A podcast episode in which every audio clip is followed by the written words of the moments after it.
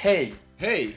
Du lyssnar på en av våra två specialavsnitt där du ska få höra min och Berras predikningar från vårt sommarläger Explore i somras. Ja, men innan vi kör igång så vill vi göra lite reklam för Ekumenias regionsfest som kommer vara i Trollhättan den 6 oktober. Och då kommer ni kunna höra Sebbe och Berras eh, podd live. Vi kommer hålla en talkshow under kvällen eh, på den regionsstämman.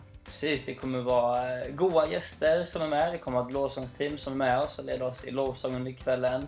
Jesus kommer vara där och vi hoppas också att du ska vara där. Så varmt välkomna till Trollhättan 6 oktober. Ja men fy vad gött. Yes, mitt namn är Sebastian Eklund och jag eh, är med i gänget. Jag har förmånen att hänga i Asklanda Ornunga ja, fy vad gött.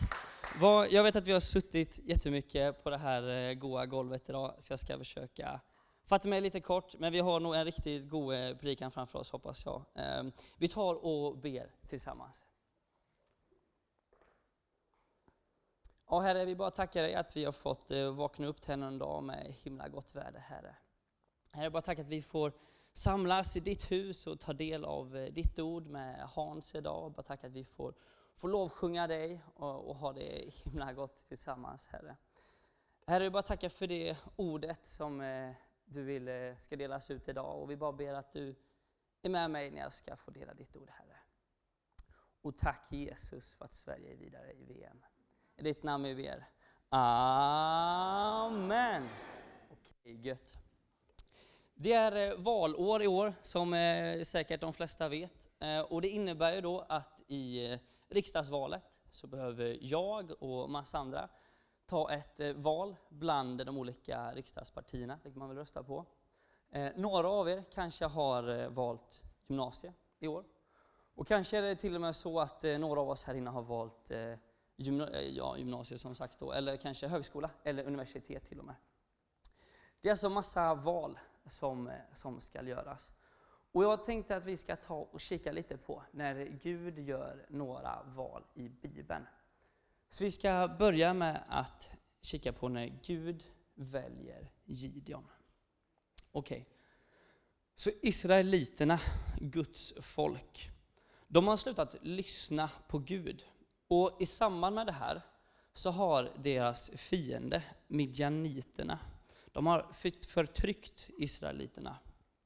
Och de tvingas att, att gömma sig i grottor och hålor liksom, medan midjaniterna de förstör allt vad de har. De plundrar alla grödor, deras mat, och de till och med tar israeliternas får och oxar och så. Men Gud, han vill ändå hjälpa sitt folk, trots att de inte lyssnar på honom. Så han kallar på en kille som heter Gideon. Gideon är hemma och tröskar vete ner i en grop så att midjaniterna inte ska se honom. Och så dyker Herren upp och säger Du tappre soldat, Herren är med dig. Men Gideon han ifrågasätter och svarar Om Herren är med oss, varför har allt då det här drabbat oss? Vart alla de under som våra fäder talade om när Herren räddade oss ur slave, slaveriet i Egypten. Nu har Herren svikit oss. Men Gud, han ville verkligen använda Gideon. Så han säger, gå och använd den kraft du har för att, för att rädda Israel ur midjaniternas våld. Det är jag som sänder dig. Men Gideon, han, liksom, han, han ser på sig själv. Och han ser bara en svag kille. Och han svarar. Hur ska jag kunna rädda Israel? Min familj är den fattigaste av alla. Och jag är den sista i familjen som man skulle komma, kunna komma och tänka på till ett sådant här uppdrag. Men jag ska vara med dig, svarar Gud. Men Gideon, han tvekar fortfarande på sig själv. Och han, han tvekar även på Gud. Och liksom av någon anledning så bara börjar han tveka på sig. Ja, men, är det ens Gud jag pratar med liksom? Så han säger, hur vet jag att det är Gud jag pratar med? Och och inte en man med stora högtalare eller något. Jag vet inte hur han får ihop det där. Vänta här, gå inte innan jag kommer tillbaka. Så Gideon han står alltså och, och, pratar med Gud. Jag vet inte hur det lät, men jag kan bara tänka mig liksom en stor mullrande röst liksom, som han faktiskt pratar med. Och han bara så här, ja men, hur kan jag veta att det är du? Och så Gud som är, som är överallt, liksom, han säger, vänta här, så, så kommer jag tillbaka. Men Gud han är snäll, han är ödmjuk och säger liksom så här, okej, okay, jag, jag väntar här. Så Gideon, han springer hem och han lagar lite kött och bröd. På samma sätt som vi kanske ställer ut gröt till tomten, så tänker Gideon att han ska göra lite kött och bröd till Gud. Och liksom, ja men det, det vill ju han ha, det vet ju alla, tänker han. Och, och om, om, han vill ha det, ja men då måste det ju vara Gud som jag pratar med, logiskt. Eller hur? Han lägger allt i en korg och så kommer han tillbaka. Och Gud han är kvar där, han, han har väntat på honom. Och när han ställer ner korgen på berget så kommer det upp en stor eld som förtär köttet och brödet. Och Gideon förstår att det är Gud som har kallat på honom. Men i all sin tvivlan på, på sig själv så glömmer liksom Gideon allt annat som Gud har sagt i det här samtalet. Och det enda han får ut av det är att det faktiskt är Gud som, som kallar på honom. Så lite senare så fortsätter Gideon. Hur ska jag kunna lita på att jag klarar av att rädda Israel från midjaniterna, som du har lovat Gud? Vill du verkligen använda mig? Okej, okay, så här gör vi, fortsätter Gideon. Jag lägger ut lite ull där jag tröskade vetet. Och om daggen faller på ullen dagen efter, medan all mark runt omkring är torr. Då vet jag att du vill använda mig och rädda Israel. Deal? Deal. Gideon går hem och det blir ny morgon. Han kommer fram till ullen och ullen är full av dagg. När han pressar ullen så kommer det ut så pass mycket vatten så han fyller liksom en hel kanna. Samtidigt som marken runt omkring är torr. Vad tror ni Gideon tänker? Tur. Okej, okay, så Gideon, han säger Gud, vi gör det här en gång till. Men här gången så ska ullen vara torr medan daggen har följt på all mark runt omkring. Natten går och Gud gör sitt. Så när Gideon vaknar upp nästa morgon och ser att ullen är torr, samtidigt som det ligger dagg på marken, så inser han att Gud verkligen vill använda Gideon. Och Gideon får liksom vara med och, och lita på Gud och få med och rädda Israel ifrån midjaniternas våld.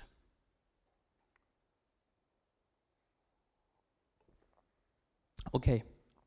Har vi några här som går skola inne i Allingsås?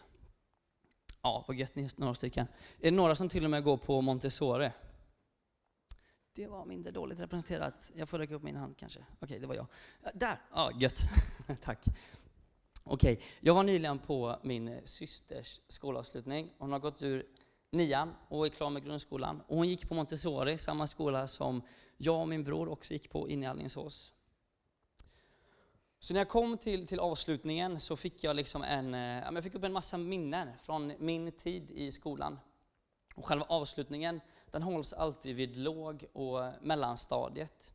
Så jag liksom stod där och blickade ut över skolgården och mindes alla raster som man har haft på den där gården. Jag ser att fotbollsplanen, ja men den har blivit en konstgräsplan. När jag gick i låg och mellanstadiet så hade bara skolgården en grusfotbollsplan. Och varje rast så skulle det spelas fotboll. Även innan skolan började på morgonen så var vi där och spelade fotboll. Och hos oss så, så gick det till som på väldigt många andra skolor. Att en person ropar ut etta väljare, sista som nuddar ribban är andra väljare. Och så vi alla andra fick liksom ställa upp oss på ett led. Det första väljaren alltid väljer den bästa spelaren först och så väljer andra väljaren sin spelare. Och så håller det på så. Till slut sa ofta någon av väljarna, ni kan få resten. Där var jag. Jag var alltid resten. Liksom, för jag var, jag var ingen duktig fotbollsspelare och det var liksom inte, men det var inte lönt att ha, ha med mig i, i sitt fotbollslag. Och ja, men så är det ja, faktiskt. Men, men jag var fine med det, för jag tyckte att det ändå var roligt att spela. Så varje dag så ställde jag upp mig på det där ledet och jag räknade aldrig med att bli vald. Och vi var liksom, vi blev ett gäng som alltid var där resten liksom. Så här, ja, tjena, nu, nu står vi här idag liksom. Och så, så bara hör vi någon ropa ut, ni kan få resten, och gött, då får vi också börja spela. Gud, ja, men han är också en väljare. Och vid ett tillfälle när han väljer en ny kung, så skickar han sin profet Samuel för att smörja den nya kungen som, som Gud har valt. Samuel får reda på att han ska gå till Betlehem, till Jishais hus. När han kommer dit och får syn på Jishais son Eliav, tänker Samuel. Här står Guds valde kung framför mig. Men Gud säger till Samuel, fäst dig inte vid hans utseende och hans resliga gestalt. Honom har jag inte valt. Och så säger Gud det som Elsa också delade med oss i måndags. Vi får upp det här. Gud fortsätter och säger. Människor ser, ja just det, Herren ser med andra ögon än människor. Människor ser till det yttre, men Herren ser till hjärtat. Så Jishai han skickar fram sin andra son Avinadav till Samuel. Och Samuel tänker, okej, okay, det var inte Eliav, men nu står han här framför mig, Avinadav. Men Gud säger det igen, honom har jag inte valt. Och därefter så låter Jishai Shama stiga fram. Men Samuel säger, inte heller honom har Gud utvalt. Och så här fortsatte det. Jishai liksom lät sina sju söner stiga fram. Men Samuel säger att ingen av dessa har Gud utvalt. Men så fortsätter han. Är det här verkligen alla dina söner? Nej, svarade Jishai. Det är den yngste kvar, men han är liksom utav alla fåren. Han är liksom inget kungamaterial. Men Samuel svarade då, skicka hit honom. Jag går inte förrän jag får träffa honom. Och när Samuel får syn på David, den yngste och borträknade sonen, så säger Herren till Samuel, han är det. Honom har jag utvalt till den nya kungen så Samuel tar sin olja och smörjer den nya kungen David mitt ibland hans bröder. Jag kan tänka mig att, att Davids bröder nästan hade stått uppradade på samma sätt som vi stod vid fotbollen på skolan, i väntan på att bli vald. Men så var det en morgon som jag troligen aldrig kommer att glömma. Jag gick eh, kanske i eh, fyran jag kommer till eh, skolgården och fotbollsplanen. Skolan började ungefär om en kvart. Det var på den tiden innan tidsoptimismen fanns. Fotbollen var igång, som alltid. Jag slänger av min, eh, min ryggsäck och springer in på plan. Jag hinner bara ta några steg in på plan när jag upptäcker att fotbollen, ja, men den är på väg rakt emot mig. Jag tar sats för en tåbajs som alltid.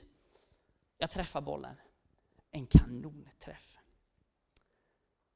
Jag är ungefär på mitten av planen, men träffen verkar få bollen att nå ända fram till mål. Bollen fortsätter att stiga och går in i det bortre krysset. Jag biter mig i tungan för att inte le för mycket. Det blir tyst en sekund. Han är med oss, ropar en ur ena laget. Nej, han är med oss, ni fick ju henne, ropar någon i det andra laget.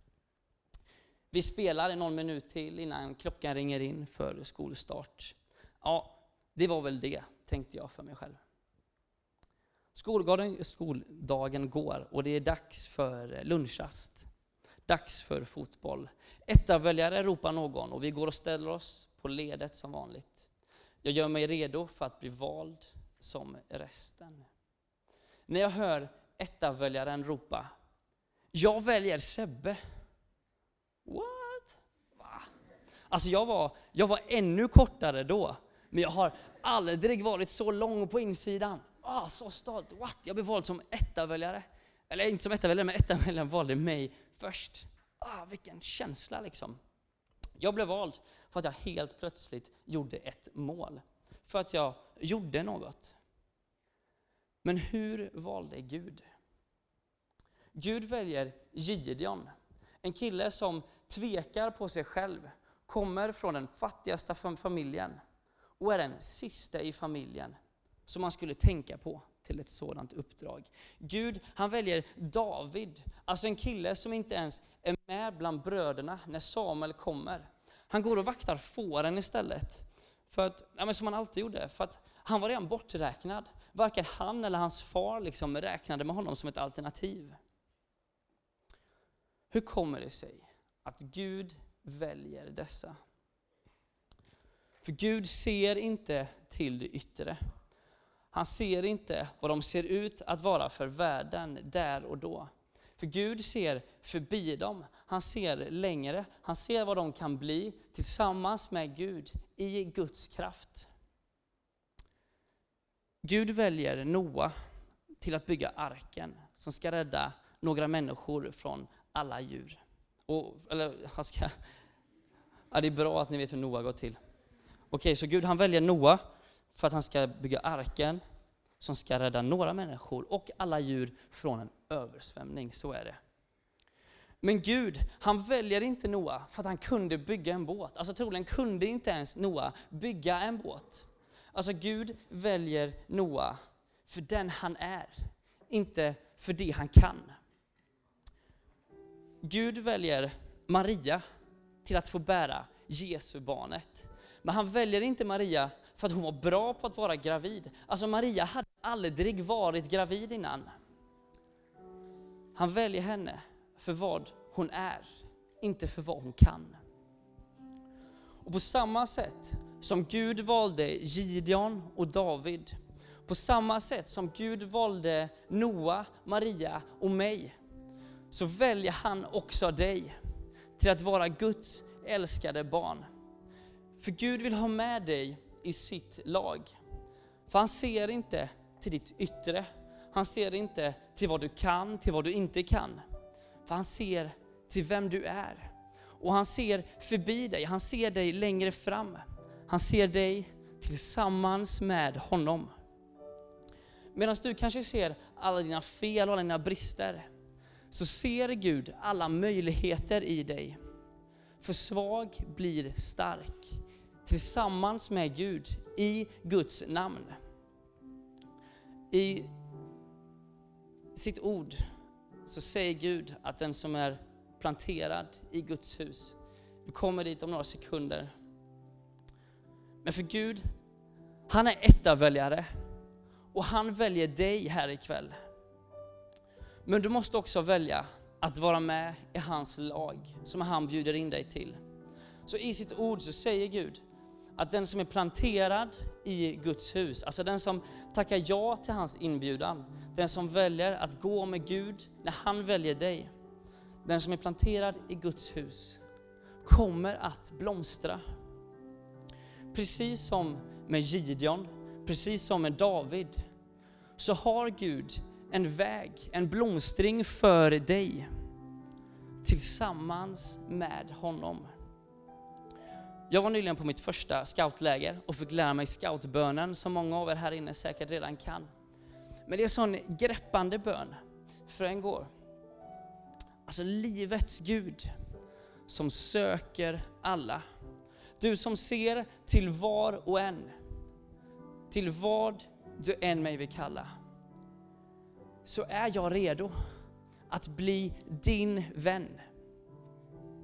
Och jag säger inte här för att skapa någon sorts känsla här inne ikväll. Utan jag säger det här för att du och jag ska förstå att kungars kung vill stå vid din sida.